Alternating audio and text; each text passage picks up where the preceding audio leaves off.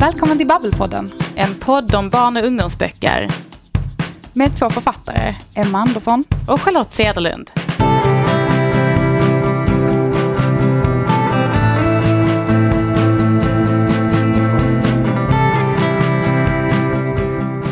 Hej och välkomna till Babbelpodden.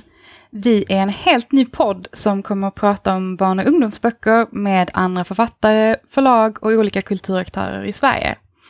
Det här är faktiskt vårt allra första avsnitt. Och eh, jag heter Emma Andersson och är författare för barn och unga. Och eh, med mig har jag min trogna parhäst. Charlotte Cederlund, också författare för barn och unga. Vi har ju poddat tillsammans förut, eller hur? Vi har haft en podd som heter Fantastisk podd, men nu har vi bestämt oss för att prata om barn och ungdomsböcker och jag är så himla glad att vi är igång. Jag med. Det här ska bli så otroligt roligt att få prata om det som vi ju ändå gillar mest av allt, båda två. Kanske både läsa och skriva. Eh, känns ju fantastiskt att få ha ett helt poddformat kring det. Men det kan ju vara så att de som lyssnar faktiskt inte har koll på oss sen innan. Vi pratade ju ändå om fantastiklitteratur sist. Eh, men Charlotte, vill du berätta lite om dig själv kanske? Ja men absolut. Eh, jag är 38 eh, år gammal. Det här är viktigt när man är ute och gör skolbesök och det gör jag ofta. Så man måste börja med hur gammal man är. Jag kommer från Lund, eller bor egentligen strax utanför på landet, är en riktig lantis. Bor där med min familj, har barn och man, en hund som heter Sigge som har diabetes. Fråga inte, det är komplicerat. eh, jobbar förutom att vara författare som brandingenjör. Det är det jag är utbildad till. Så det är liksom halva mitt yrkesliv. Men den andra halvan är ju kanske det som är allra roligast och det är ju när jag skriver mina böcker. Och jag debuterade för ett antal år sedan, 2016, med en bok som heter Middagsmörker, som var den första delen i en trilogi med samisk inspirerad fantasy, kan man väl säga. Och har sedan dess kommit ut med en rad olika böcker, eh, både bilderböcker, faktabok för barn, lite lättläst fantasy. Brukar normalt sett kalla mig för fantasyförfattare, men släpper faktiskt eh, nu precis en ungdomsroman som har exakt 0% fantasy i sig. Det var väldigt otippat och väldigt svårt att skriva, eh, men på något jäkla vänster lyckades jag ändå. Så det är jag. Men vem är du, Emma? Ja, om vi då ska försöka hålla samma höga nivå här på presentation så är jag eh, 31 år. Oh, du är så eh, ung. Eh, och eh, jag kommer från Eslöv men bor i Malmö just nu. Och eh, när jag inte skriver så är jag administratör på Barncancerfonden. Eh, och har jobbat i stort sett med sjuka barn och sjuka barns familjer sen, eh, sen jag var 25 år gammal ungefär. Och eh, jag har inte lika lyxigt som du så jag kan dela halva tiden här och där. Eh, men jag sitter en dag i veckan fortfarande och skriver. Och eh, då skriver jag eh, lite det som, som funkar för tillfället. Jag har skrivit två ungdomsböcker, en vuxenbok och nu senast då kom det en barnbok faktiskt för bara någon månad sedan eh, som heter Dörren. Eh, och som också är inspirerad lite av mitt eh, brödjobb eh, och eh, handlar om eh, just en familj som, som drabbas av det värsta. Som, ja, men det är väl jag och jag debuterade när jag var 20 år. Min första bok skickade in när jag var 19. Eh, den hette Där drömmar blir till. Så att, eh, jag har hållit på länge, även om jag inte har hunnit ge ut lika många böcker som du. Men eh, jag har varit med i gamet länge kan man säga. Det har du verkligen. Och det är ju som tur är ingen tävling, eller hur? Nej, gud nej. Eh, men man kan väl säga så här att en sak som du och jag har gemensamt, det är ju att vi skriver böcker, eller hur? Precis. Även om vi eh, skapar böcker för en yngre målgrupp ibland, där det finns illustrationer eller fantastiska omslag, så är det inte vi som gör dem, eller hur? Nej men verkligen inte. Inte jag i alla fall. Nej, ja, inte jag heller. Det hade blivit katastrof. Eh, för vi är ju bra på ord. Mm. Inte lika mycket på bild. Nej. Men som tur är så finns det ju, det finns ju eh, kreatörer som kan göra både och. Som är superduktiga både på text och bild. Och jag vet inte vad du tycker, men jag är otroligt imponerad över hur man kan vara eh, hur man kan kunna två format så otroligt bra.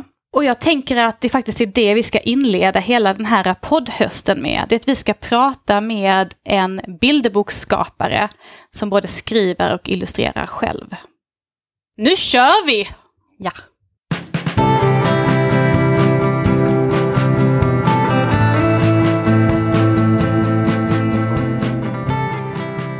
Hon är illustratör, formgivare och designer och hennes Instagramkonto svämmar över av fantastiska fotografier.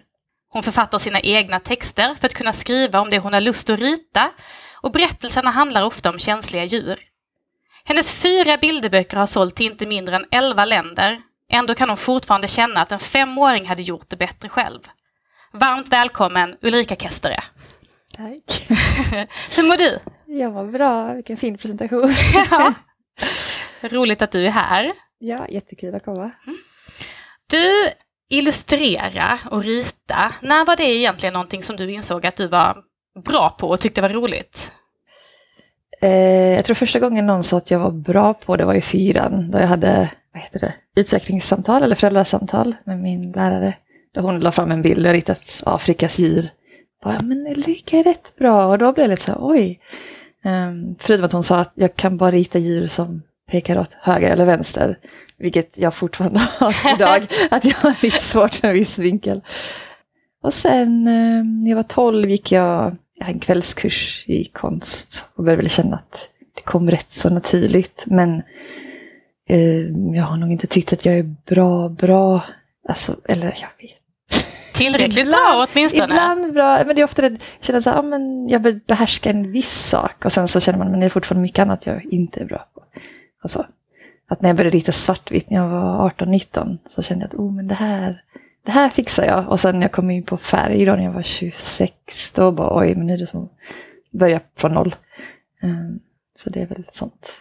Men ändå, när vågade du dig på det här med att, att göra en hel bilderbok? När var det din första bok kom? Bra fråga. 2017 kanske? 2016 någonstans där. Uh, ja men då hade jag varit tre år på reklambyrå. Och sen när jag valde att lämna den världen så kände jag att jag hade i ett par år velat göra en bilderbok. Så då hade jag haft en idé som jag fått, som fått jäsa i ett år. Um, och så kände jag att ja, men, uh, den kör jag på. Och sen tog jag ett, för då började jag frilansa efter reklambyrån. Så då gjorde jag fotojobb och sen på sidan så jobbade jag med boken. Men jag hade ingen insikt av vad det innebar, eller hur lätt eller svårt det var att bli publicerad. Jag tror det var jättebra att jag inte läste på någonting om det, utan bara gick in väldigt naivt. Uh, och sen hade jag också in, alltså inställningen att jag vill ha gjort det, för jag vill liksom kunna kryssa av det från min lista. Och sen blir det publicerat eller inte, det, det får visa sig sen. Men att jag skulle göra den klart, liksom, i princip tryckfärdig, innan jag skickade den till ett förlag. Att det var lite så här, okej, okay, ta det här exakt som det är, eller strunta i det. Just det. Så du skickade nästan ett helt färdigt bilderboksmanus då? Ja, den var verkligen helt färdig. Det var i, jag tror det var ett uppslag där en karaktär blev lite mindre. Och annars var några att de skulle vara det. Jag gillar uttrycket de, men mitt förlag sa nej, det kan vi absolut inte ha. Eh, så det var i princip det, sen ändrades och sen gick den till tryck väldigt snabbt. Ja, Okej, okay. men var det flera förlag som var intresserade eller var det det förlaget där du är utgiven? Eh, jag skickade till, kanske mejlade fyra förlag. Mm. Och sen så ringde Opal mig samma dag jag skickade mejlet och sa, men vi vill ta den till sommaren. Eh, sen fick jag ju svar från de andra förlagen tre månader senare. eh, och de tre andra sa nej. Så att, och det känns så konstigt när man, de där nejen kommer in som annars hade kunnat vara helt förödande. Men så är man liksom redan på det torra. Just det. Jag bryr mig inte om det här. Nej. Ni har inte fattat hur bra det här Men var det samma dag alltså? Ja. Det är helt fantastiskt. Det är en sån historia man bara hör om. ja, nej, det kändes väldigt, alltså det var ju väldigt skönt att inte ha den här, ja, men nu ska jag vänta. Och sen trilla sakta alla nej in och sen så sitter man där och uh, ja, känner sig dålig. Just det. Och den här boken, vad, var, vad är det den heter, din första? Vilda grannar. Vilda grannar, just det. Den läser vi hemma, den är väldigt populär. Mm. Men jag tänker så här, du både skriver och illustrerar dina böcker. Men liksom, hur ser din process egentligen ut? Vad är det som driver berättelsen? Är det texten eller är det bilderna eller kommer de liksom om vartannat? Eller hur, hur funkar det för dig? Lite olika. Med Vilda grannar så skrev jag liksom ett manus först och sen började jag bilderna sen har det varit verkligen olika. Ibland tänker jag vad är det jag har lust att illustrera, vilka typ av karaktärer. Väldigt ofta börjar det bara med något psykologiskt som jag tycker är intressant. Eh, alltså någon, någon känsla eller någon problemlösning som jag tänker väl grundade på det här. Eh, så nu för tiden har jag ett löst manus i huvudet och sen börjar jag illustrera. Eh, och sen så liksom vet jag ungefär vad som ska sägas på varje uppslag. Men kanske inte helt. Eh, men den boken jag gör nu, min femte bok, där har jag försökt bädda dit lite mer manus först. Men det är verkligen olika, ibland med bild, ibland med text. Jag, jag, jag tänker bara, när Opal sa att eh, Sven Nordqvist, hans, de senaste böckerna, mm. de stora, att där gör han bilderna och sen gör han texten. Mm. Då kände jag lite så här, åh oh, men det låter rätt skönt att jag ville ta den, kunna ha den friheten. För då kan man också ändra vissa karaktärer, eller ibland är det så att jag skrivit in en viss typ av karaktär och sen så känner jag att jag har svårt att rita det. Som jag hade en giraff jag skulle få in i min mm. senaste bok och sen blev den alltid fil. Så jag bara, okej, okay, det blir en häst istället. Det spelar ingen roll, liksom, jag bara byter. Uh, och det är det som är så skönt när man själv skriver. Men framför allt för mig är det verkligen så, jag skriver till alltså, mitt, alltså jag själv som barn. Mm. Jag tänker så här, vad är det för lärdom jag har behövt ha som liten? Så det är väl för lilla Ulrika jag alltid skriver det som böcker till henne. Och så hoppas jag att de når ut till barn som kanske är lika mig och har samma typ av oro eller samma typ av saker som intresserar dem. Och, ja. Just det, ja men det är ju jättefint. Egoistisk kanske? Nej, det är väl det man får göra när man är kreativ tänker jag. Ja. Men du, en sak som intresserar mig väldigt mycket som bara skriver text själv, det är lite så här hur väljer man egentligen vad som ska se, synas i bilderna? Därför att även om en bilderbok har ganska lite textmassa så är det ju ganska mycket som kan rymmas i liksom tre meningar. Hur väljer du liksom vilken del av eh, scenen och från vilken liksom synvinkel du ska rita själva bilden? Jag vet med min första bok så fick jag kritik av någon recensent att det är lite för tydligt att det som syns på bild är samma som står i text. Om man säger väldigt krasst att det som visas behöver inte skrivas. Och jag har haft svårt att begränsa mig där. Jag vill väldigt gärna att allt ska vara väldigt tydligt. Och speciellt första boken som jag då fick den kritiken, den gick ju också och blev inspelad på Sveriges Radio. Um, och då kände jag att just för att texten är så beskrivande så är den bra i högläsning. Mm. Eh, även om man inte ser bilderna. Så jag tycker det finns fördelar med det också.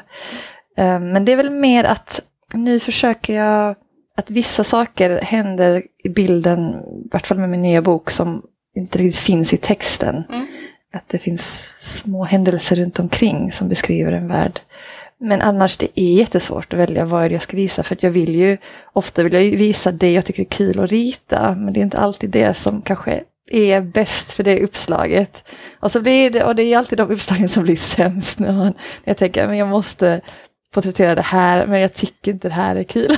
men så gör man det och så blir det lite sådär halvt. Vad, vad, är det något särskilt, alltså kan du säga att det är en särskild typ av saker som du brukar gilla att rita eller är det också olika från olika projekt? Jag gillar att rita djur, natur i princip alltid mest. Men det är mer att min senaste bok Födelsedagen, då är varje uppslag en ny värld, nya karaktärer, ny miljö. Det är jättestimulerande som mm. illustratör. Men till exempel min andra bok, Ottos ylletröja, då är det mer, man följer några karaktärer som är i princip på samma plats. Och då blir det lite jobbigt att de kanske rör sig i samma hus eller att det är så här, miljön byts inte så mycket. Det är då jag blir väldigt understimulerad. Samtidigt som att ja, då är det kanske mer en sammanhängande historia än att man bara går från snygg bild till snygg bild. Jag försöker tänka vad, vad är intressant för, för barnen också. De gillar ju en historia A till ja. Z. Du har ju i Vilda grannar så har du ju en bild på, då skickas det ett inbjudningskort. Mm. Och du har ju verkligen ritat hela det här inbjudningskortet precis så som det ska se ut, tänker jag. Och det vet jag att min son i alla fall tycker är väldigt, väldigt spännande, för då tittar han vad det är för grejer som är på det här inbjudningskortet. Mm. Var det en sån grej du visste att du skulle ha med direkt eller som kom av att ja, men jag kan inte rita en liknande bild som den innan eller? Åh, jag minns inte riktigt. Nej, förlåt, det var ju dumt att ställa frågor om din första bok, men det är den vi läser just nu. jag, jag, tror faktiskt att jag visste att jag ville ha ett uppslag som var liksom en skissig process i en inbjudan. Eh, det tror jag hade i, i de tidiga skisserna. Mm. Och den är liksom, jag kan jag tycka en av de få gånger jag har lite annat perspektiv, den är lite ovanifrån. Annars är jag nästan som alltså Wes Anderson, att allting är väldigt teatraliskt, rakt framifrån. Jag är inte så spacad med mina vinklar. Dels för att jag är inte så bra på det och dels så gillar jag lite det här, ja, men rakt framifrån, vi ser in i en scen. Eh, nästan. Ja. Just det. Ja, nej, det där nu eh, pratar vi om avancerade grejer. Jag har inte ens tänkt på att man kan ha olika. Men du, jag läste, jag vet inte om det här var kanske på din hemsida eller någon annanstans, att du eh, bygger upp dina bilder lite som ett pussel. Mm. Kan inte du berätta lite mer om det för, för mig och de som lyssnar som inte alls vet hur man egentligen kan jobba med illustrationer? Jag tror jag har det långsammaste sättet att ta fram en bild, verkligen. Eh, jag eh, skissar först upp hur den ska se ut ungefär. Och sen vill jag att det ska vara en kombination av att det är analogt ritat, alltså med penna, papper, färger. Eh, men också sen att jag lägger ihop det i Photoshop. Så att ofta är det ju att varje karaktär har flera lager. Jag gör kanske ett lager i akryl som är vissa färger. Och sen så ritar jag vissa mönster med blyerts och den blyertsen färgläggs. Eh, så att varenda objekt i bilden, liksom, allt från karaktär till en soffa till en liten pinne, allting är ritat på ett papper som jag liksom får klippa ut och klistra in. Ehm, så att istället, jag måste ju ha total kontroll och jag känner att jag måste göra det för att jag är lite kass på att rita. Att när jag ser illustratörer som Alltså de tar upp ett ark och sen ritar de hela bilden. Jag bara känner det hade aldrig gått. För att jag, jag måste stå och vinkla. Alltså det är så lätt när man tar in det i Photoshop att flytta om, flytta runt. Eh, ändra liksom vissa färger så att kanske en blå går mer mot grönt eller mer mot rött. Och, alltså det är så skönt och också om förlaget skulle ändra något så har jag så lätt att bara gå in och nu det. händer det väldigt sällan att de vill ändra någonting men eh, för min egen del så är det skönt under processen. Så här, kanske när man går mot bokens slut så går man tillbaka till de första uppslagen och ja, ändrar om. Och, ja, men det är väldigt, väldigt, väldigt, väldigt, väldigt många lager. Mm. Ehm, och det är som sagt jättelångsamt sätt att arbeta på. Jag vet inte om jag rekommenderar det, men för mig är det det optimala för att man får blanda det digitala och eh, det analoga. För att jag är inte så förtjust i digitala illustrationer. För mig, de, det finns en viss lekfullhet som jag tycker inte riktigt finns där. Nej. Så för egen, för egen smak så. Ja, ja men jag förstår. Men eh, det är ju ganska intressant det där ändå du säger att det gör att du lite enklare kan gå in och ändra. För det är också en sån sak som jag har funderat mycket på att när jag skriver en text och det, är så här, det närmar sig tryck så är jag alltid en jätte, jättestörig författare för jag sitter liksom och ändrar grejer ända in i kaklet. Liksom, Även om det egentligen bara är dags för, det, nu är det bara slutkorr och så skriver jag om en sida liksom som förlaget får ändra in. Och då har jag tänkt så här, men hur sjutton gör man med en bild? Kan man verkligen sitta och ändra den ända in till man skickar till tryck? Men kan man det? Jag, jag förstår vad du menar. Ibland kan man ju verkligen ändra till oändligheten. Men det är alltid vissa uppslag som jag känner så här. Det här håller inte riktigt det jag tycker är liksom top notch. Men det får vara så. Att eh, de flesta av mina favoritbilderböcker det är vissa uppslag som är väldigt starka. Några som inte är lika starka men det gör ingenting. Det, det är inte så att man ratar en bok för att den har en, ett uppslag som är lite halv, halvbra eller vad man ska säga. Eh, Så jag kan väl känna att ibland så här, ah, den är inte perfekt, men det får vara. Antagligen är det ingen av dina läsare som skulle lägga märke till någon skillnad heller, tänker jag. Jag, jag hoppas det. Det är nog dina proffsögon. men som sagt, att det är så här, bättre att man släpper att någonting kommer ut än att man håller det i, liksom, i sitt skiffer för evigt och ska göra det totalt perfekt. Men så är det ju, det blir ju verkligen en del av den kreativa processen för inget kan ju bli perfekt. Alltså sitter jag och läser eh, mina böcker som släpptes för några år sedan så hade jag ju skrivit dem på andra sätt nu. Ja. Och någonstans måste man ju bara vara klar för annars så kan det aldrig bli tryggt och då kan man aldrig lära sig av det liksom. Så att eh, det ingår väl i det där. Ja, dessutom tycker jag det är fint när för varje bok man gör att man kan se att man håller på att bli bättre och bättre. Det hade ändå varit lite tråkigt om man liksom är perfekt från start och sen är det bara perfekt, eller kanske bekvämt i och för sig. Men, men eh, om jag tänker på min favoritillustratör, eller barnboksillustratör, Mm. en fransk kvinna som heter Beatrice Almagna. Och eh, om jag tittar, hon har gett ut jättemånga böcker. Och tittar man verkligen på hennes första så ser man hur otroligt mycket hon utvecklat sin stil. Att den verkligen blivit så detaljerad och liksom man ser att det läggs ner en ofantlig tid på varje uppslag. Och då kan jag också känna att, för hon för mig är liksom ja, men, toppen av berget av perfektionism. um, men när jag ser att hon också haft en resa, att det var inte helt perfekt i början, så känns det så, ah, men då finns det ju hopp för oss alla. så att, uh, det är fint. Jag kan ju säga att när jag tittar på dina bilder så tycker jag att de är perfekta från början då. Ja, snällt. Men en annan fundering som jag också har, det är ju det här att, för du har gjort fyra bilderböcker mm. och bilderboksformatet är ju ganska mallat, alltså det är ju ofta, vad är det, 12 uppslag. 12 till 13 uppslag. Ja, precis. Alltså det finns ju liksom en ganska det finns ju en ganska tydlig begränsning i vad du egentligen kan få med. Mm. Känner du att det påverkar dig när du liksom hittar på dina berättelser? På ett sätt kan det vara skönt att det finns 13, det finns inte mer. Det går lite snabbare kanske än om man skulle haft 16 uppslag och så. Men ibland kan jag känna att oh, men jag hade velat ha två, tre uppslag till. Men jag pratade ju precis med en kvinna som jobbar på tryckeriet som förklarade just varför man inte kan göra så, bara lägga till ett eller två uppslag. För att det är liksom, det är så stora ark, gör man det så blir det jättemycket svinn och papper som måste slängas. Eh, på grund av trycktekniken. Så att det är rent för världen och miljön så är det inte bra att bara, då, då ska man lägga till åtta till uppslag om det ska vara liksom, motiverat. Um, och för, alltså för, för, det handlar ju också om att för förlaget, om jag lägger till åtta till uppslag så kan de förmodligen ändå sälja den bara för samma pris som för 13 uppslag. Så de måste ju också känna att det ska vara motiverat för dem att ta fram en dyrare bok som ändå kommer säljas för samma pris. Och det är kanske inte alltid de är så sugna på det. Och det känns jobbigt om jag tar fram en längre bok och så säger de okej okay, men vi vill kutta liksom fyra eller åtta uppslag. Att då, ja. Men jag kan ju bli avundsjuk ibland när jag ser böcker med typ dubbelt så många uppslag som mm. bilderböcker. Och så blir det så här, varför fick de göra så många sidor? Jag får inte göra så många sidor. Um, så jo, såklart, skönt att bara, för det är, alltså det är jättejobbigt att trycka ner en hel berättelse på 13 uppslag. Det är superbegränsande. Och du vill ju inte att alltså, uppslagen ska fyllas upp med jättemycket text. Föräldrar, vad jag har fått de, liksom, de kommentarerna jag får, de gillar ju oftast inte när det är ofantligt mycket text i bilderböcker. Det är så här, men jag vill bara att min unge ska somna och så är det så mycket text på varje uppslag i en bok så vi läser inte den boken längre. Och man bara, ja okej. Okay. men jag menar, jag måste ju säga mina typ min absoluta favoritbilderbok. Eh, norska författaren, eh, nu har jag glömt hans namn, men det är om eh, räven och grisen med raksvans.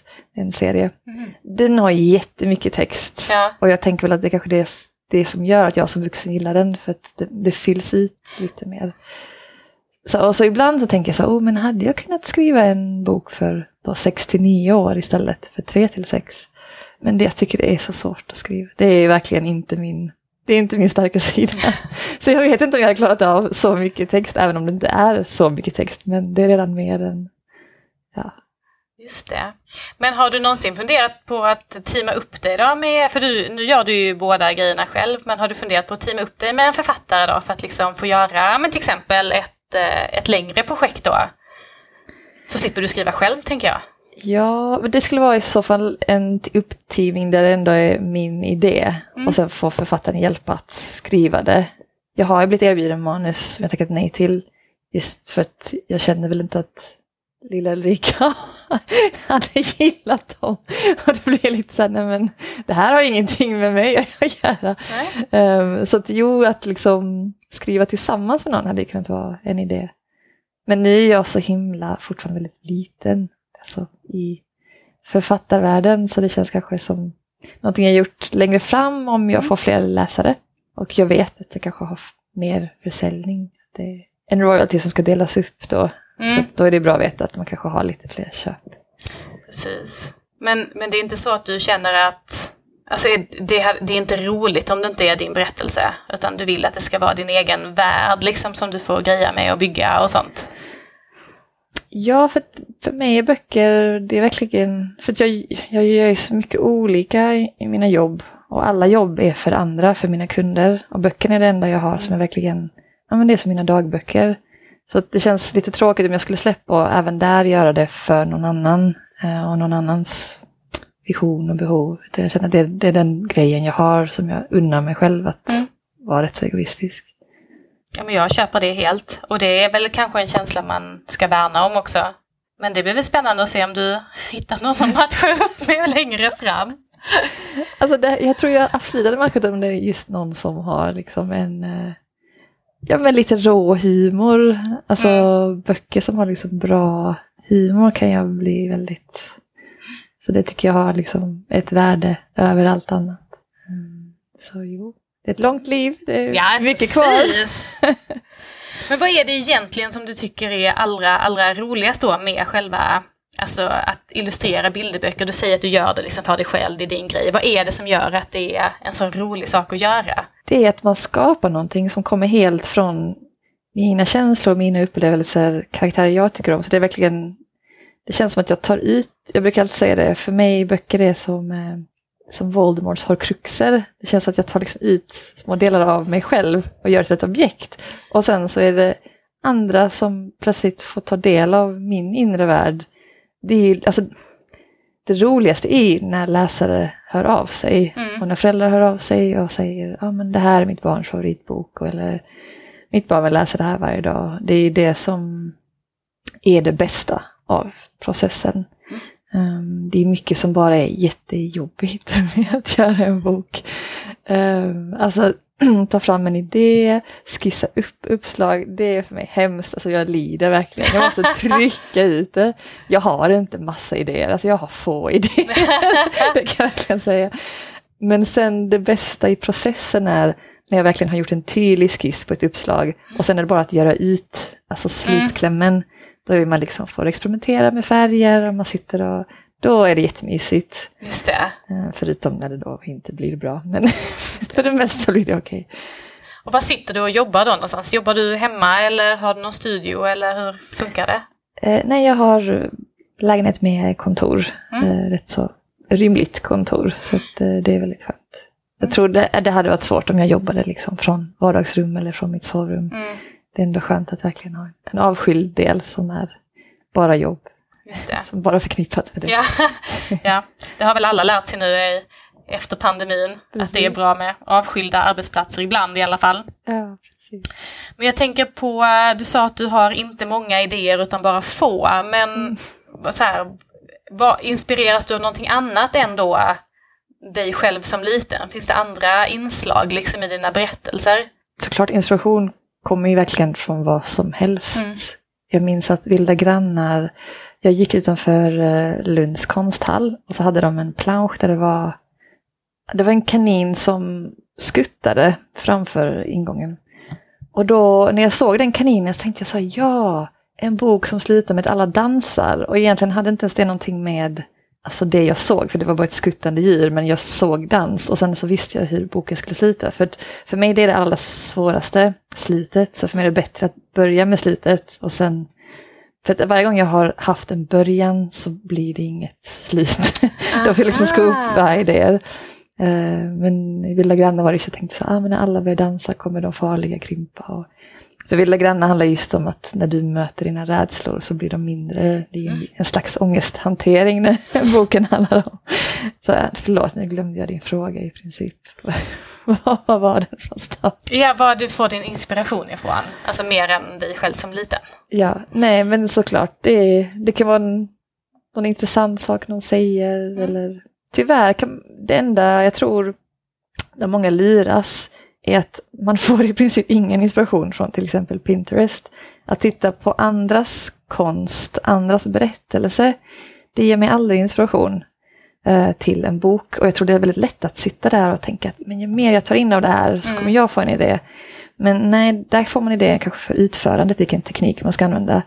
Men annars tror jag att man, eh, det gäller verkligen kolla på sina inre känslor, vad man, vad man ser runt omkring, vad man hör och så. så att, ja, vanligt liv Just det, vanligt liv. Ja, men jag håller med om det. Alltså jag, jag håller med dig. Man får inspiration eh, överallt ifrån och ganska ofta från ganska otippade saker. Mm. Det är inte självklart att det är från filmen i samma genre till exempel, utan det behöver vara något helt Mm. annat. Och också den här, för att födelsedagen som kom ut nu, Mm. eh, det var för två jular sedan så åkte jag och min mamma för att fira jul hos min farmor i en liten stad i Lettland. Vi hade, det var ju kanske inte den mest spännande julen utan det var rätt många perioder där jag hade det tråkigt. Och det var ju just då som den idén kom och den var så självklar. Eh, Och det är väl det, jag är väldigt, jag är liksom otroligt rastlös. Det är väldigt sällan jag sitter och har tråkigt. Alltså det är ju en klyschan i det här med att man måste bli uttråkad för att ha fantasi. Men tyvärr, det stämmer ju verkligen märkte jag där. Så det, det är en annan inspirationskälla, ingenting.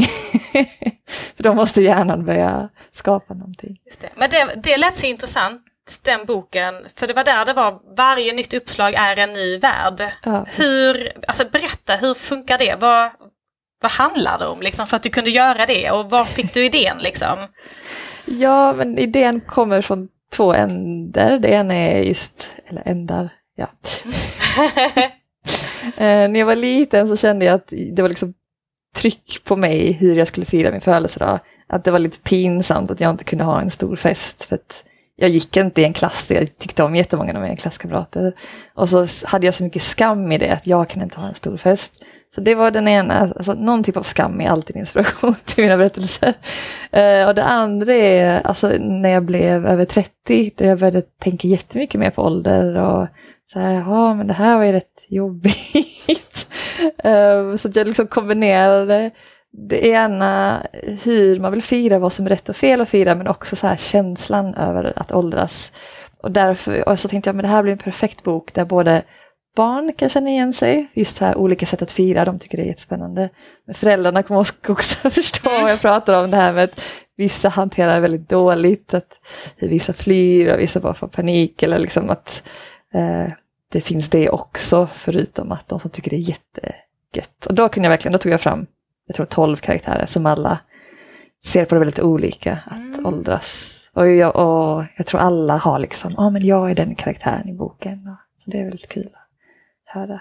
Jag måste säga de flesta är tigern som älskar att vara i centrum, älskar festen. Så att de, de flesta har mycket bättre eh, sin än mig, så det är bra. Just det, och vilken karaktär är du då? Eh, jag är lite o... Jag har varit flera av dem. Mm. Men eh, det finns en tvättbjörn, Beatrice, som har just den här känslan av att man måste ha fest fastän man inte vill, fastän Mm. man kanske bara vill ut och, ja men hon vill då bara rota i en s- soptunna. Eh, men så varje år blir det fest fastän liksom hon inte vill och så, ja.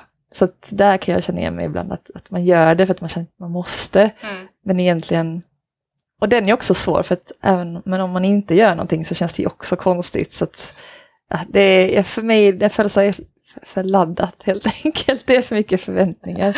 Så det, jag känner att vad den gör så blir det så här li, lite kristet. Just det.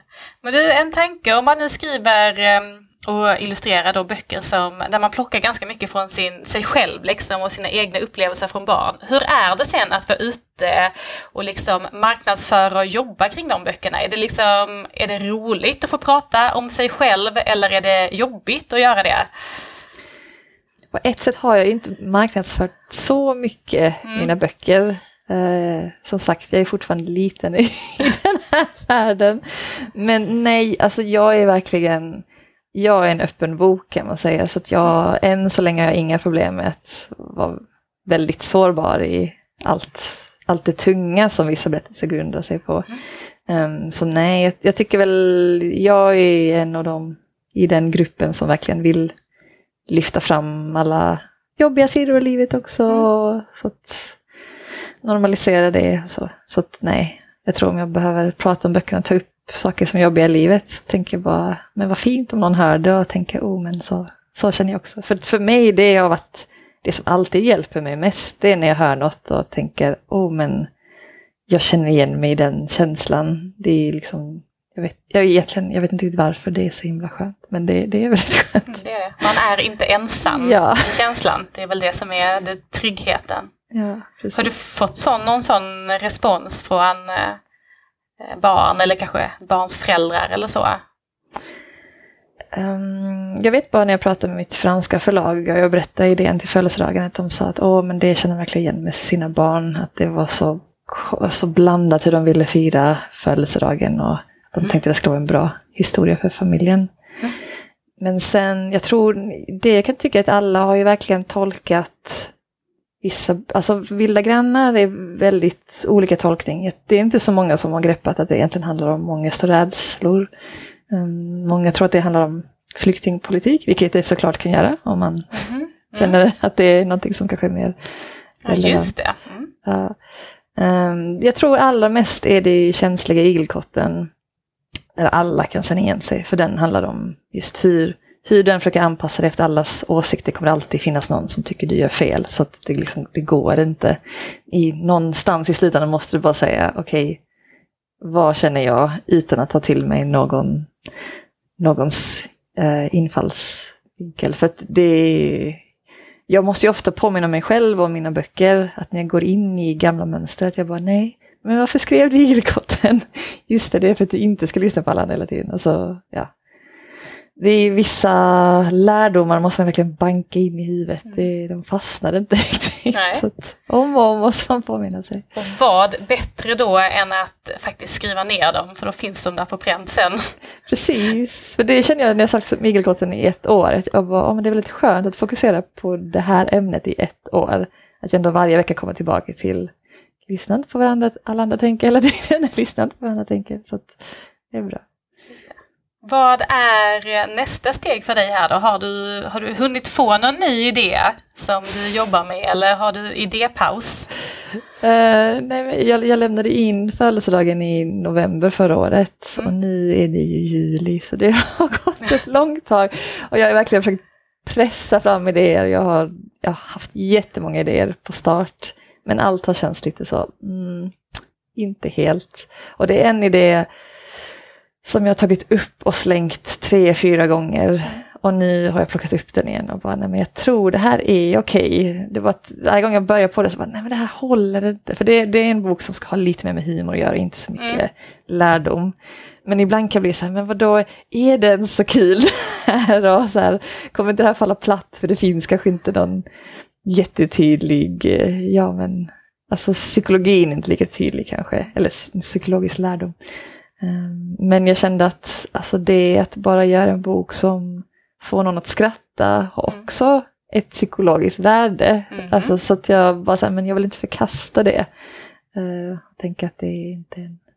Så, och också, det får vi se om det blir, men jag är lite, de karaktärerna jag tar fram nu funderar på om jag kanske ska ha med två, tre böcker till så att jag ändå Mm. gör en serie, vilket det. jag inte gjort innan.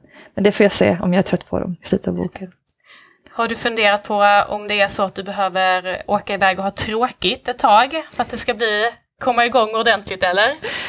Jo, jag har funderat på det, men jag kan vara så rädd för att åka iväg och ha tråkigt. Jag tänker att, ja men tänk så, istället för att det kommer kreativa tankar så kommer bara alla destruktiva tankar och så kommer jag vara helt förstörd efter en weekend på Österlen. Eh, Men såklart borde jag öva mer på att, bara på att chilla. Jag är jättedålig på det. Just det. Utan det, jag är så, det är verkligen, när man presterar då finns man. Typ också det här att man skapar någonting är ett bevis på att man existerar. Att jag känner när jag inte kan lägga fram något och det säger men jag finns ju inte då. Ehm, och det blir jättejobbigt. då är det jättesvårt att ta det lugnt.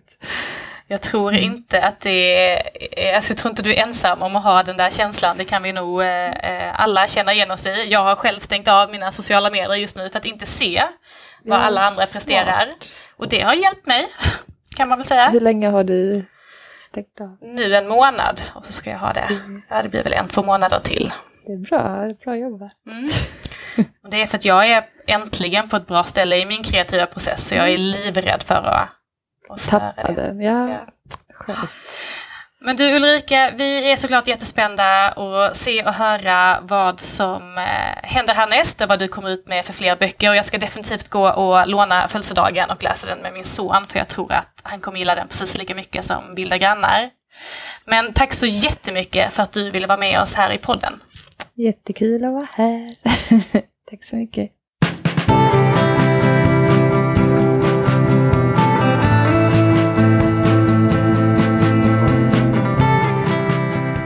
Samtal.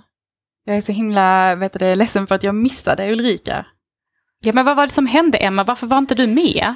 Eh, ja, eh, jag fick ju min andra coronaspruta, eller min eh, andra vet du, vaccinspruta. Så att jag eh, låg tyvärr med 40 graders feber hemma när du skulle ha den här intervjun. Vilket var väldigt tråkigt. Eh, men eh, jag har ju lyssnat på den i efterhand och det var, ja, det verkar som att ni hade så mysigt.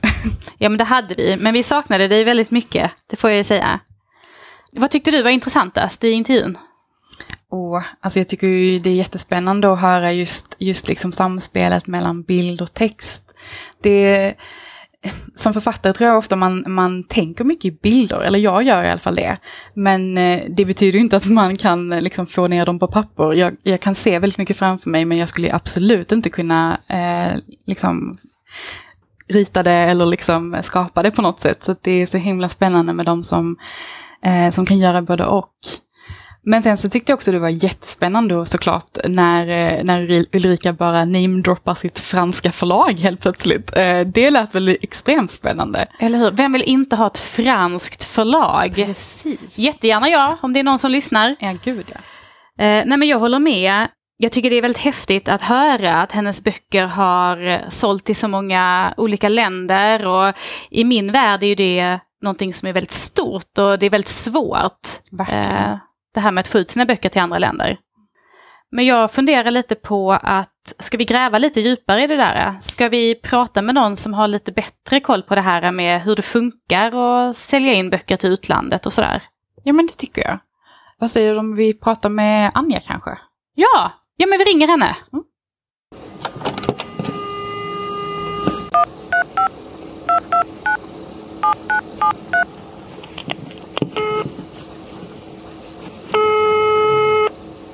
Opal Agency, det är Anja. Hej Anja, det här är Emma på Bubblepodden. Hur är läget med dig idag? Hej, det är bra med mig. Är det bra med er? Jo då, det är bara bra. Vi har ju med dig här idag för att du jobbar ju på Opal Agency, Opals eh, och Vox egna agentur. Vad gör du där? Där jobbar jag som Foreign Rights Manager, som det så fint heter. Som innebär att jag säljer översättningsrättigheter till utlandet. Spännande. Eh, Charlotte pratade precis med eh, Ulrika Kester här under vår intervju som är utgiven hos er. Eh, och Opal och Vox ger ju ut allt från bilderböcker till böcker för unga vuxna. När du liksom säljer utomlands, vad skulle du säga är enklast att sälja? Eh, absolut enklast är bilderböcker och faktaböcker.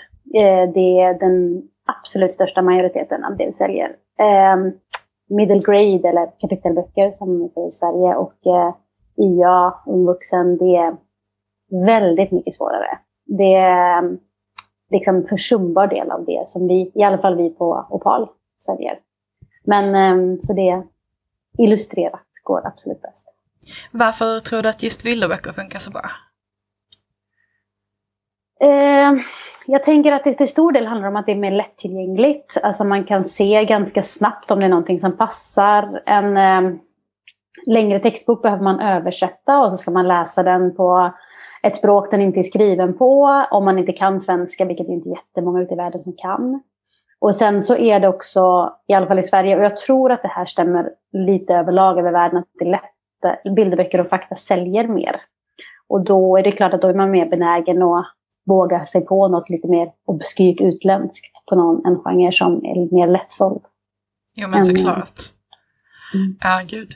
Men det är jättespännande att det ser ut så, men det är kanske av förklarliga skäl såklart. Eh, men hur ser ersättningen ut när en bilderbok säljs i ett annat land?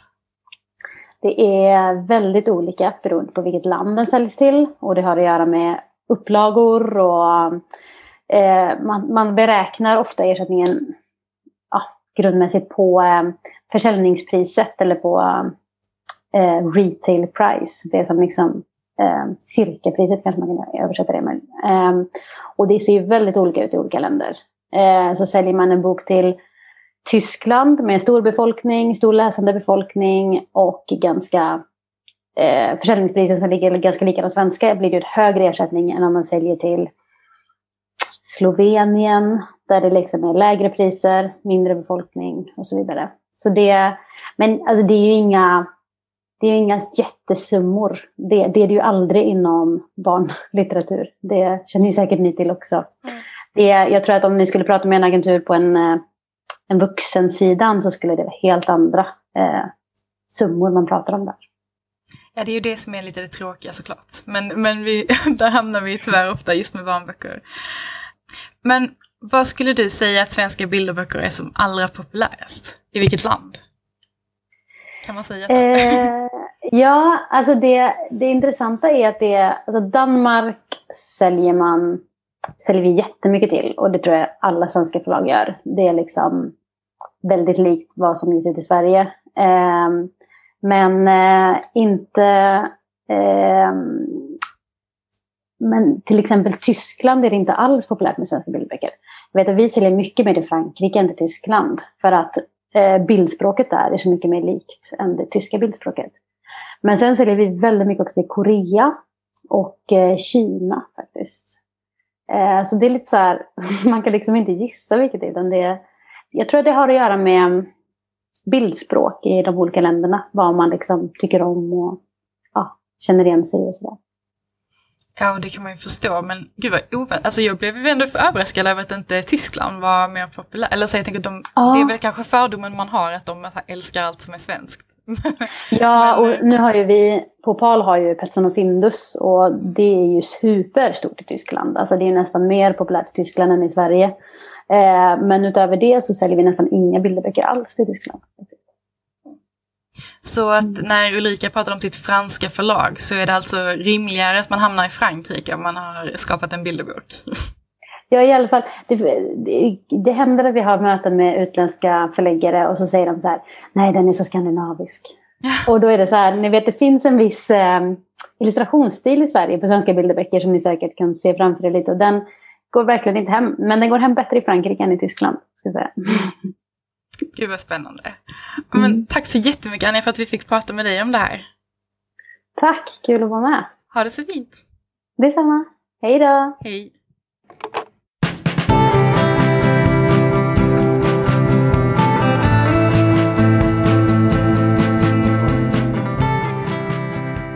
Nu blir det boktips!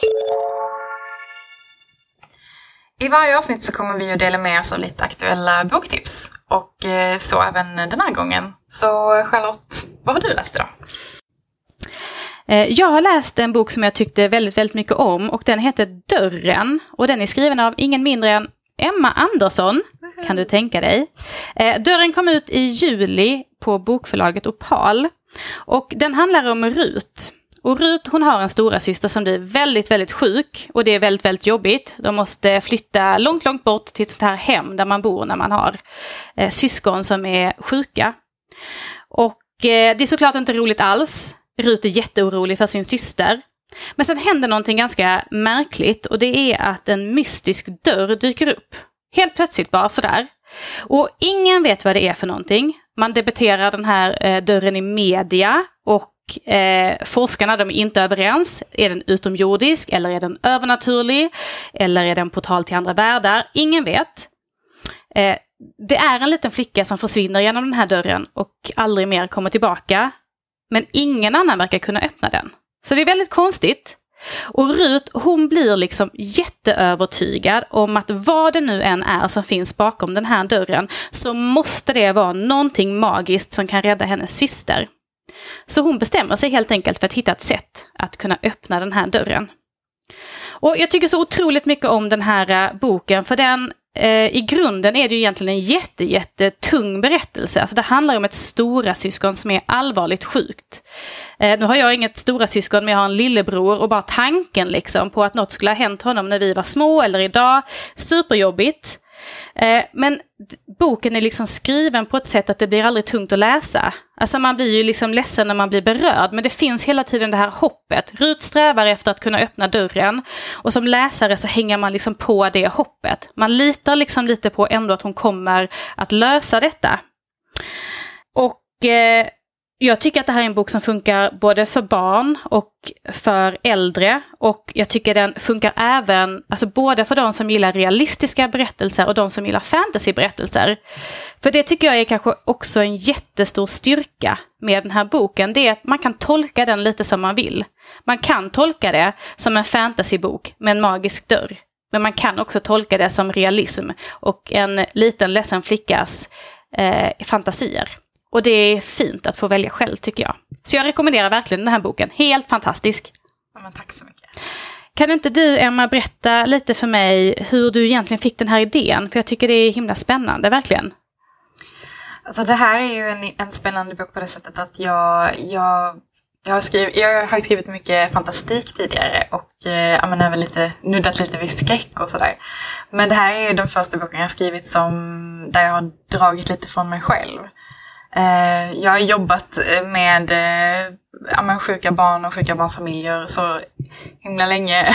Eh, och eh, jag kände väl liksom att eh, jag hade mycket att bearbeta och mycket, mycket tankar och mycket upplevelser som liksom har legat och gnagt i mig där jag inte har känt att jag har kunnat få något utlopp. Och just den här våren när jag skrev den här boken så hade det även varit ganska många dödsfall eh, på mitt jobb där liksom bland barnen som jag, vars familjer jag hade kontakt med och sådär. Så jag tror att jag, jag behövde ett sätt att liksom trösta både mig själv och liksom de här familjerna. Och ja, men då dök dörren upp bara. Eh, jag kände att ja, men den här historien måste jag skriva även om Även om kanske inte den eh, liksom blir någonting så kände jag att det var mer terapeutiskt att få skriva av sig liksom, lite eh, mina erfarenheter. Men så blev det en bok. Och det är mm. alltid roligt. Det är alltid roligt. Men eh, var den jobbig att skriva då, eller var den lätt? Jag tänker om det är bearbetning. Ja, men det var faktiskt oväntat lätt att skriva. Eh, jag tror det var Ja, men det var nog så mycket som, som liksom hade behövt komma ut länge. Och sen så tycker jag också att den är ju trots allt väldigt hoppfull. Eh, och den grundar sig också i någon slags barndomsportal fantasy eh, liksom, eh, längtan som man har väl haft sedan man var barn. Eh, och jag älskade ju att läsa sånt när jag var liten. Så det var väl också fint att få väva in det på något sätt. Att liksom barnet i mig fick liksom också hoppa in och spela lite roll och uppfylla någon slags liksom, portaldröm. Liksom. Ja, just det. Ja, nej men jättefint. Jag hoppas att det är många som läser den här boken, för jag tror att det är många som verkligen skulle gilla den också. Ja, men tack. Vad har du läst då, Emma? Jo, eh, jag har ju läst en bok som heter Så jävla operfekt. Som också kom ut på Opal faktiskt. För bara några dagar sedan faktiskt. Så väldigt nyligen.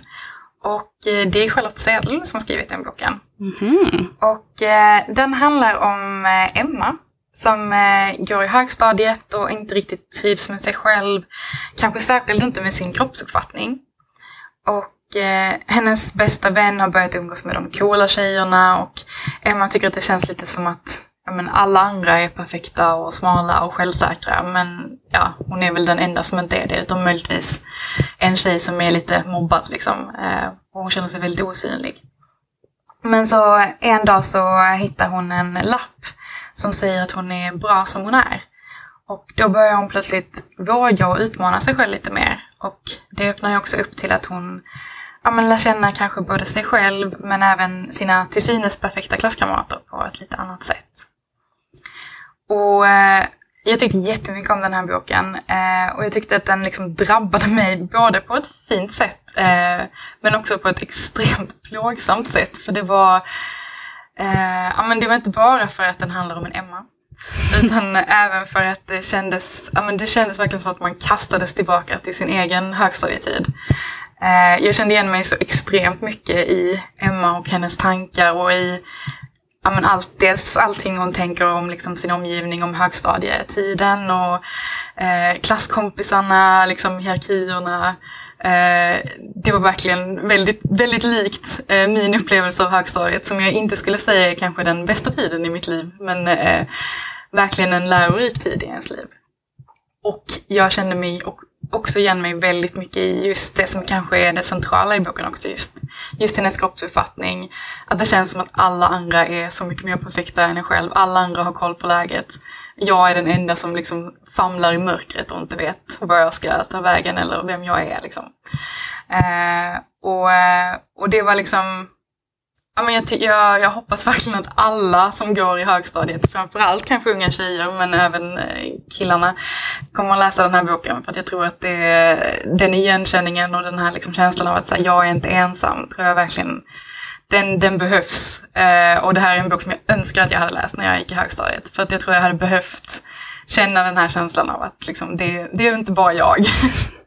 Så att, eh, ja men eh, Bra jobbat Charlotte! Tack så jättemycket, vad fina ord. Ja, hur tänkte du när du skrev den Ja men det här var väl lite samma sak för mig som du berättade att eh, jag har skrivit mycket fantasy innan och det är klart att man alltid plockar från sig själv när man skriver men det här är min berättelse.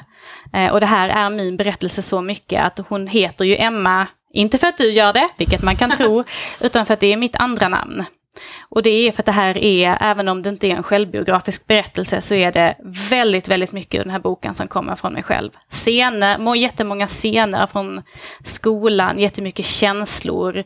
Jag har ju känt exakt det här som min huvudkaraktär Emma känner och som du känner igen dig i. Eh, den här osäkerheten och eh, oförmågan att kunna tycka om sig själv och acceptera sig själv.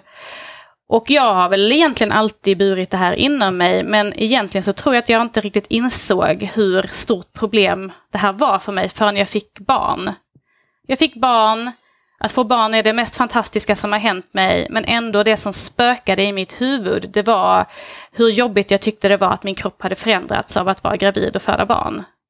Och då någonstans insåg jag att jag har, liksom, jag har ju fortfarande exakt samma känslor för min kropp som jag hade i högstadiet fortfarande. Det har inte hänt någonting mer än att jag har blivit äldre.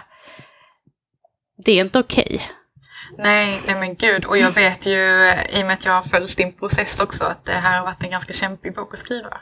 Den har varit jätte, jättejobbig. Det är utan tvekan den jobbigaste boken jag har skrivit. Jag har hållit på i tre år och det kanske inte låter som jättemycket, men jag skriver ju på halvtid. Så jag har ju kämpat i tre år på halvtid med det här. Och det har nog varit jobbigt för det ligger så himla nära mig. Jag har liksom fått lida mig igenom det som var jobbigt redan när jag gick i högstadiet och så har jag fått göra om det igen på papper. Och har väl känt liksom ett extremt stort krav på mig själv att göra det bra. Att liksom lite göra rätt för mitt eget tonårsjag. Att skriva en så bra bok jag bara kan. Så det tog sin lilla tid. Ja, gud. Och det är som sagt, jag tänker med tanke på de ämnena du rör upp så kan jag förstå att, det, att eh, jag tror inte jag hade klarat av, eller jag har inte orkat fejsa min, min högstadietid på det sättet du gör. Så att det jag förstår att det var tungt. Men det var nog en viktig bok att skriva. Det var det nog. För mig, absolut. Och jag hoppas att den kan ja, hjälpa någon annan också. Ja, men vi kommer ju inte prata om våra egna böcker varje, varje avsnitt. Eh, men nu när de väl hade kommit och eh, vi så gärna vill eh, ja, men, inleda på ett fint och trevligt sätt så, så fick vi väl nämna dem också. Så nästa gång blir det andra böcker.